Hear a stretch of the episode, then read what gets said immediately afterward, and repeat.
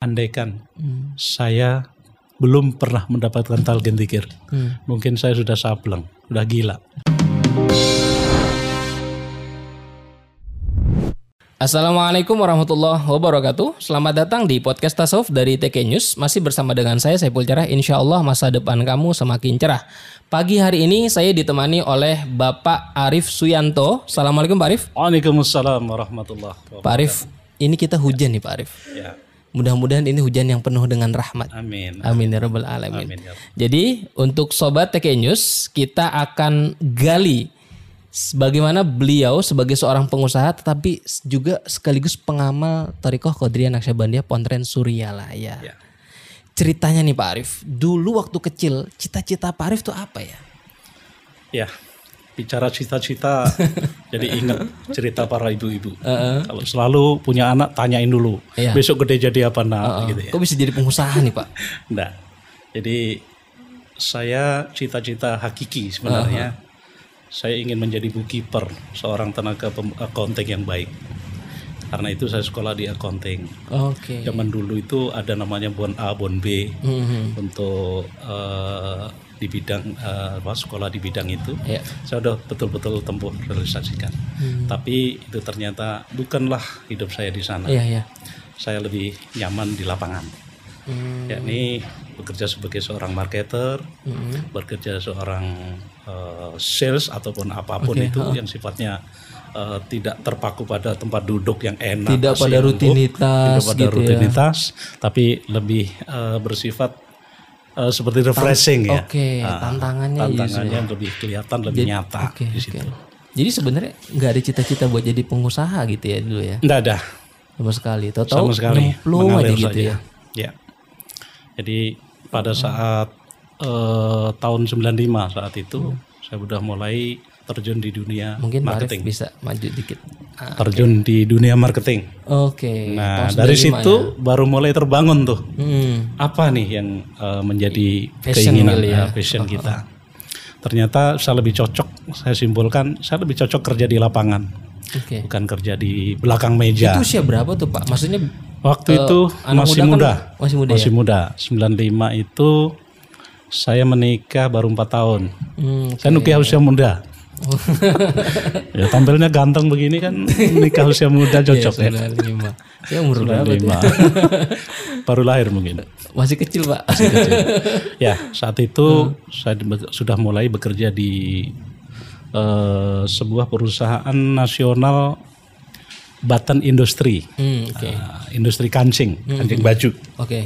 Nah saat itu eh, saya pegang area Surabaya. Hmm. Satu tahun kemudian menjadi lebih baik, menjadi lebih baik. Akhirnya sampailah saya ke Jakarta. I- itu awalnya di Surabaya. lalu ke Jakarta. Ke Jakarta. Lahir di Lahir di Nganjuk, Jawa Timur. Oh Jawa Timur. Nah pada saat di Jakarta mulailah Hmm. eh, warna kehidupan menjadi terlihat. Iya.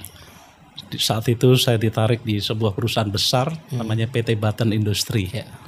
Itu perusahaan terbesar di Asia Tenggara kalau untuk oke. untuk industri garment aksesori ya. Hmm. Namun lagi-lagi di situ dihadapkan tantangan nyata di mana saat itu godaan, cobaan selalu mewarnai kehidupan yang ada. Kalau boleh tahu godaan apa tuh? Orang ganteng godaannya ya. orang ganteng godaannya Godaannya. ya orang cantik gitu lah kurang cantik, lebih oke, begitu. oke. Eh, tahun 98 akhirnya saya putuskan eh, saat itu saya harus eh, menjalani kehidupan yang Oke. bukan cuman di Surabaya tapi ada di Jakarta. Oke.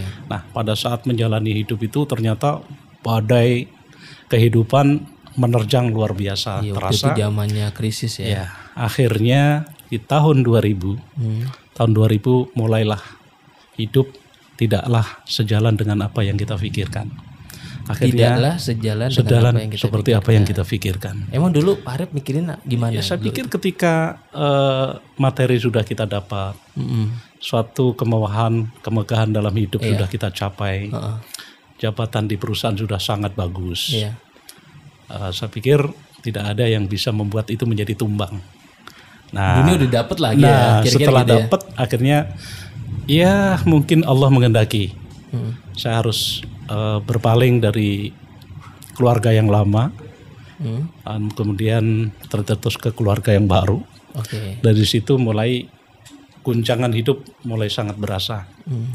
Begitu terasa, saking terasanya hebatnya, akhirnya saya mer- perlu eh, merasa perlu sesuatu, Oke. backing rohani. Heeh. Nah, backing rohani. Tadinya eh, ini hanya mengalir saat itu semata-mata hanya ingin mendapatkan satu ketenangan atau kenyamanan hidup Emang, saja. emang yang dirasakan itu seperti apa Pak waktu itu? Galau, betul-betul hampir tidak merasa tidak ada sesuatu yang bisa membuat happy. Tidak ada yang bisa membuat bahagia. Yang ada resah, gundah dan gelisah. Resah guna dan Luar biasa. Nah, suatu ketika tetangga saya di, di di Bekasi waktu itu Iya. tawarkan saya, Hmm. yuk Pak Arif ikut. Ke mana? Saya bilang, ikut pengajian di masjid sebelah. Oke. Nah, pengajian saat itu isinya saya nggak mudeng sama sekali. Apa yang diomong Ustadz ini? Hmm. Isinya bagus, Tapi tapi nggak nggak nempel kejangkau sama nalar saya. Apa yang diomongin? Apa ini? Intinya menyalahkan diri sendiri yang banyak. Kajian ini, ini, ini penyebabnya adalah ujungnya diri sendiri yang keliru. Salah jalan, salah amalia ibadah, dan lain sebagainya. Nah, setelah pulang dari pengajian itu. Hmm. saya berpikir, Ustadz tadi itu ngomong apa? Kok saya nggak begitu paham? Gundah. Ketika diajak lagi saya yang kedua, Hmm. ngaji ke tempat itu lagi. Ketemu Ustadz itu lagi. Nah terjadilah dialog. Waktu itu, Sama Ustadznya. ya Pak Ustadz Rasidi namanya. Oh Ustadz Rashidi. Iya tahu kan? Ya Pak Ustadz Rasidi. Ustadz, tanyanya bloko aja. Hmm. Apa? Ini sekarang kita hidup lagi seperti ini, gonjang-ganjing Hmm. dan karuan. Ini yang dibahas sesuatu yang bisa menghantarkan hidup bahagia, dunia dan akhirat. Hmm. Namun uh, dalam praktek uh, sepertinya kok jauh dari apa yang uh, disampaikan tadi. Gimana sebenarnya? Nggak sinkron gitu ya. Nggak sinkron betul, nggak sinkron. Saya merasa ketika orang mau menuju satu tempat misalnya di sebelah utara, misalnya, Iya. kenapa jalannya nggak langsung ke utara saja sih? Hmm. Kok pakai muter dulu sampainya akhirnya baru ke utara. Hmm.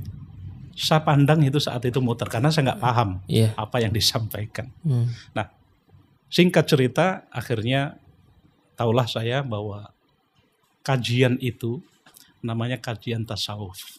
Oke. Mendengar tasawuf saya sudah sering, Hmm. tapi ikut pengajiannya baru itu. Berarti baru dua kali itu ya. Wow, baru dua kali itu. Hmm. Tapi ini betul-betul mengundang eh, penasaran jiwa saya Hmm. untuk eh, banyak ingin tahu Iya. apa tasawuf ini. Iya. Kalau pemahaman saya, Hmm. tasawuf adalah sesuatu yang biasa dilakukan oleh para orang tua. Oke. Image-nya citranya itu ya Pak. Betul, karena bapak saya juga Hmm. menjadi pengamal tasawuf itu setelah tua. Oh, oke. Setelah tua.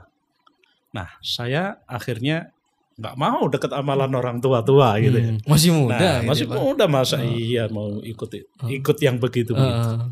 Heeh. Akhirnya dapatlah satu pencerahan Hmm. bahwa ketika disampaikan namanya amaliyah itu ada dohir dan batin. Hmm. Oh, akhirnya saya baru mulai mulai sedikit sedikit tertarik, Hmm. terbangun, tertarik. Tertarik dalam arti untuk tahu, penasaran nih. Hmm. Apa ini? Amalia lahir dan batin Iya. yang sebelumnya saya nggak pernah tahu. Hmm. Oh, ternyata harus sinkron. Dia contohkan saat itu, Hmm. kita sholat, Iya. niat. Mulut sudah soli fardhu isya'i, Allahu Akbar. Dicontohkan begitu. Hmm. Pada saat mulut berikrar seperti itu, kemudian Allahu Akbar angkat tangan, pikiran dan hati kamu ke mana? Bingung saya jawabnya. Dalam praktek kadang-kadang kita sholat, Allahu Akbar. Hilang Ke mana-mana ini. mana-mana. Ah, bisnis yang masih belum bagus lah dan sebagainya. Nah, di saat posisi eh, kerja real saya menjadi bermasalah, Hmm. saat itu hadirlah sebuah tawaran di mana sebagai eh, satu solusi bagaimana menghadapi masalah itu sendiri Hmm. dengan tanpa mengurangi aktivitas sehari-hari Oke. gitu. Akhirnya saya ketagihan ceramah-ceramah tasawuf. Hmm. Manakib-manakib di Bekasi saya ikutin di mana-mana. Oh, Jadilah gara-gara itu Bapak Gara-gara langsung keliling ya. Ya. Oke. sampai saya sendiri juga adakan manakib di setiap rumah setiap bulan saat itu selama empat tahun.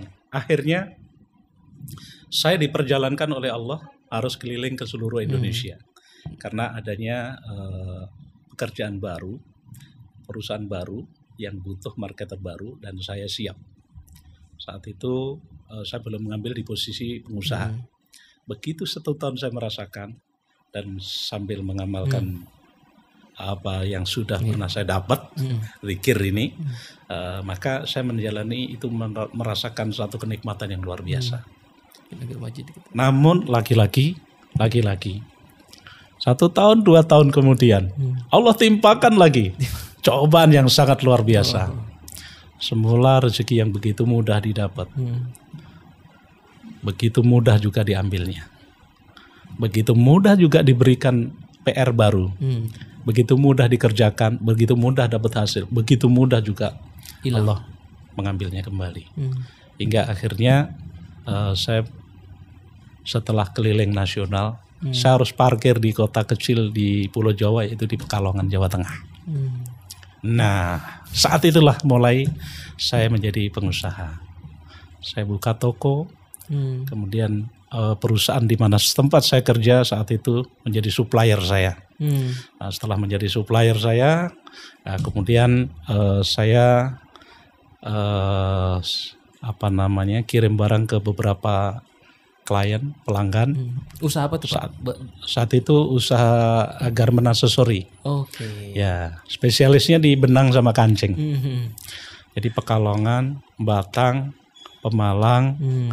Tegal itu realisasi saya. Ada 800-an orang. Berapa ratus? Luar biasa saat itu. Hmm. Di tahun 2000 eh, 2012. 2012. Nah, jadi 95 ke 2012. Berarti ini saya sudah mendapatkan zikir di sana. Saya eh, karena kebiasaan di Jakarta di Bekasi Hmm. ada pengajian manakib dan tiap tiap bulan. Hmm. Saya dapeti di Pekalongan belum ada Oke. tahun itu. Hmm. Saya tanya wakil talkin saat itu Pak Yai Jahri Anwar. ya. Hmm. Pak Yai, saya kangen manakib. Yuk kita manakib. Di mana? Dijawab pakai bahasa Jawa santun sekali ya beliau. Tengeriki tereng wonten Pak Arif. Loh, kenapa? Ikhwannya kan banyak saya bilang. Kalah kalian gini Pak Habib Lutfi. Hmm. Kalah dengan punya Habib Lutfi. Maksudnya begitu. Ah, tapi kan ngajinya pengaj eh, manakibnya beda Pak. ya, Saya bilang.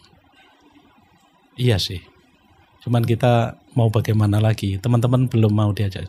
Akhirnya saya mulai di rumah saya itu manakib perdana. Oke, jadi mulai sendiri mulai di sendiri rumah. di rumah situ. Mulai bagus, kegiatan bisnis juga cakep, Mm-mm. luar biasa. Pokoknya semuanya berkembang. Hmm. Lingkungan yang tadinya biasa-biasa menjadi subur, Hmm. menjadi magnet eh, pergerakan ekonomi. Oke. Saya bangun beberapa usaha di sana Hmm. dan masyarakat sekitar juga mendukung. Ya. akhirnya terangkat di tahun 2014-16 Hmm.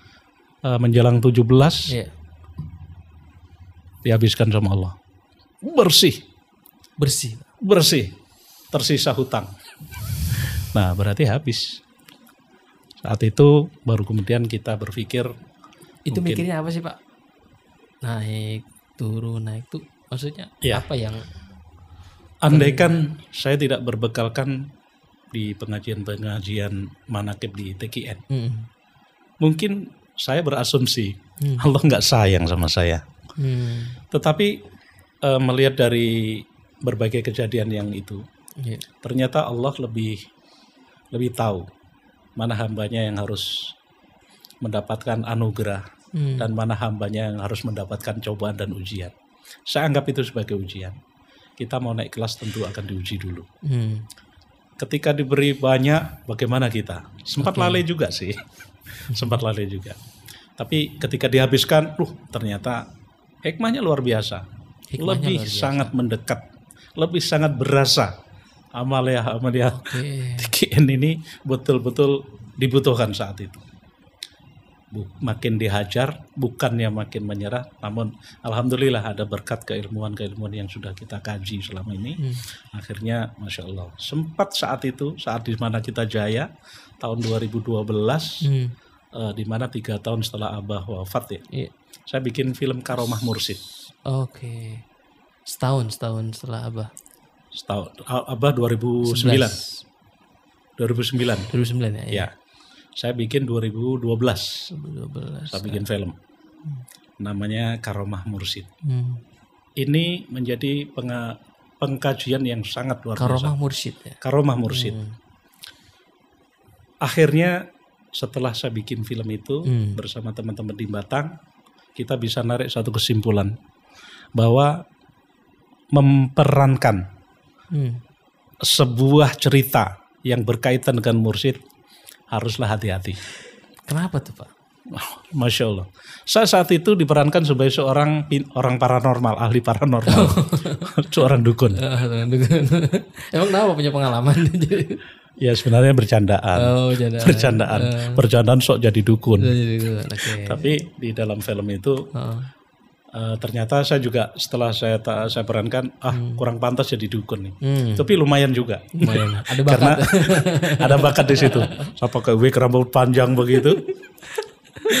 ya, tapi di balik itu eh, saya mau sampaikan ke teman-teman bahwa untuk menciptakan sebuah film seperti film dakwah seperti itu yang terkait dengan erat hubungannya dengan guru mursid, hendaknya sangat hati-hati. Karena kalau kita memerankan sebuah peran yang mana peran itu belum pernah kita jalanin dan itu merupakan satu nasihat bagi orang lain, maka jangan kaget ketika suatu saat Allah ciptakan suatu kondisi seperti apa yang diperankan. Contohnya, contoh. Contoh, saya ini kan bukan orang dukun, saya memerankan jadi orang pinter di situ. Iya. Saya betul-betul saat itu kayak dilulu sama Allah. Diberikan satu eh, jalan di mana apa yang saya ucap saat itu bisa terjadi. Akhirnya saya menjadi eh, teruji. Sampai saya punya pas sih? Nah, teruji jadi dukun beneran. oh, oke oke oke. Sampai orang luar pulau itu datang. Telepon, Pak Arif, saya minta tolong. Bagaimana? Saya punya problem begini. Apa problemnya saat itu? Eh, belum ikhwan sih, belum ikhwan. Dia itu pengusaha, orang kaya di di Lombok sana. Iya. Mengalami gangguan kejiwaan karena ah, kalau bahasa orang sekarang kena santet lah gitu. Kena telur, kena santet. Saya cuman eh, layani lewat telepon Hmm. itu pun sambil bercanda sebenarnya karena eh, itu bukan kenalan saya langsung itu kenalan teman saya dia telepon saya telepon apa yang dirasakan ibu dia jawab dari kejauhan sana saya merasakan di dalam diri saya ramai sekali. Hmm. apa itu? Hmm. macam-macam. Ada ular ada ini. Ibu terasa? Iya terasa. Eh, terus ada apa lagi? Banyak kadang ada macan di dalam tubuh. uh, masya Allah. Lalu saya apa, apa yang saya lakukan?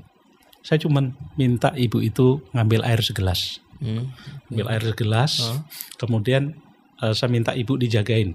Maksudnya supaya kalau pas lagi Oh, ah, lagi kenapa lagi jatuh ada yang nyangga gitu Hmm.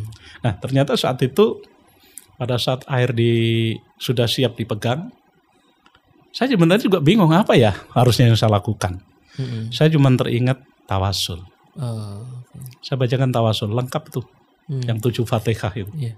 setelah itu ibu coba tempel di lidah dulu. Begitu tempel di lidah, biasa ini pak. Oke, sekarang tempel lagi di lidah agak ke dalam, di mulut, masuk. Hmm.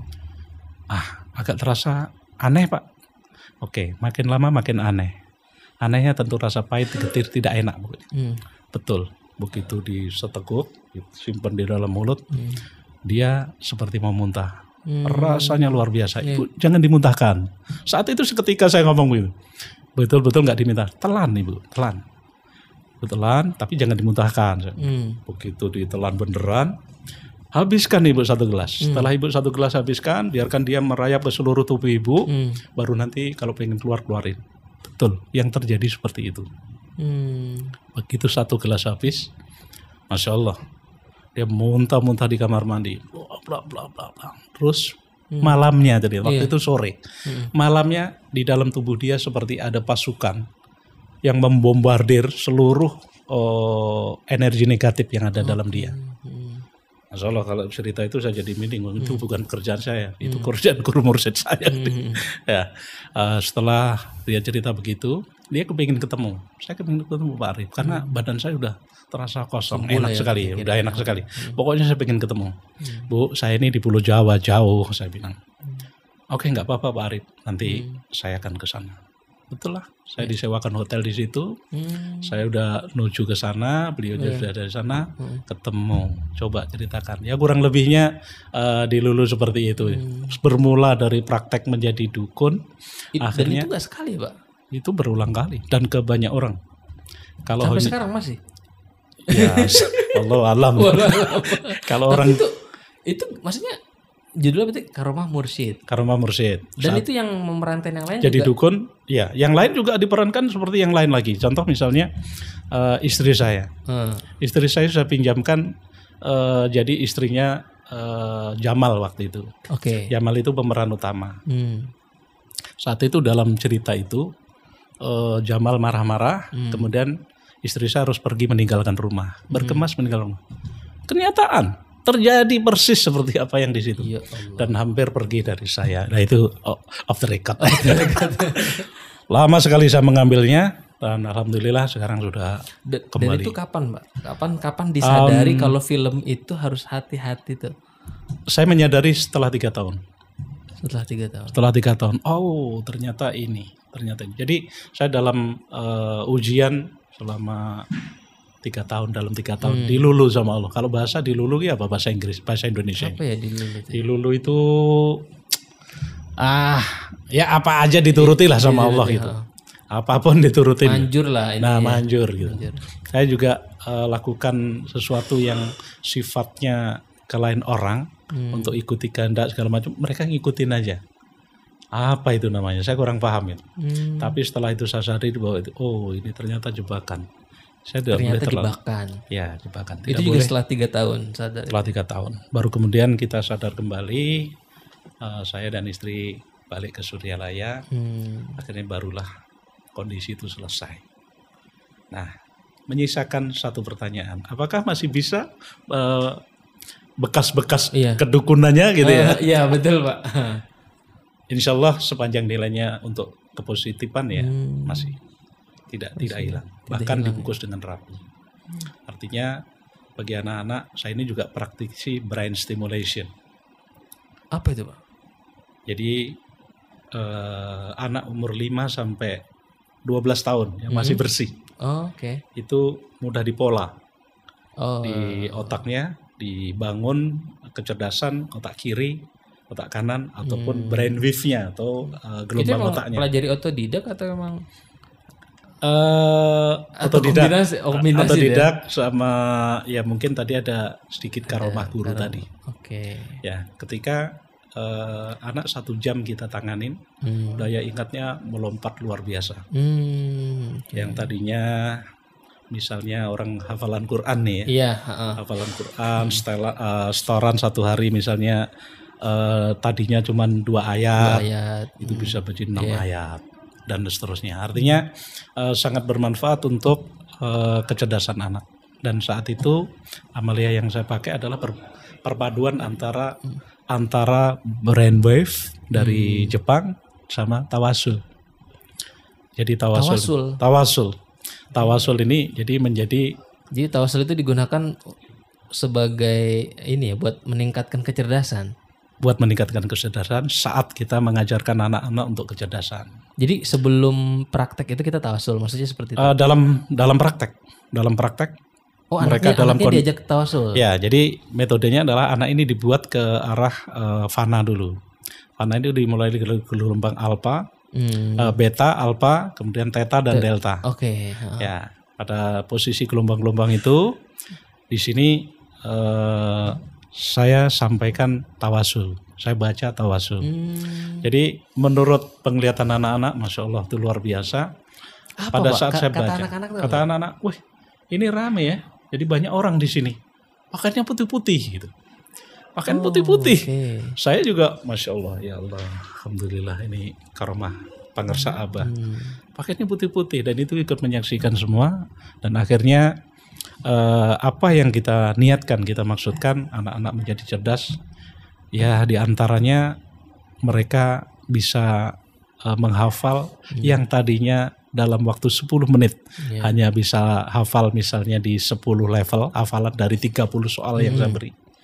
Itu dalam tiga menit saja 30 soal itu bisa tersebutkan semua. Asmaul Husna mereka bisa menghafal hanya dengan waktu 20 20 menit, 30 menit. Hmm, hmm. Hafal bukan dari atas ke bawah, Iya. dibolak-balik dan lain Jadi sebagainya. itu baru tawasulnya aja mendekatkan anak kepada para aulia itu udah bisa meningkatkan kecerdasan ya. Nah, Apalagi sampai belajar mengkaji. Masya Oh, Allah. Allah. kalau saya sebut, saya sebut ke para orang tua, anak-anak ini adalah anak-anak calon wali Allah. Hmm. Kenapa?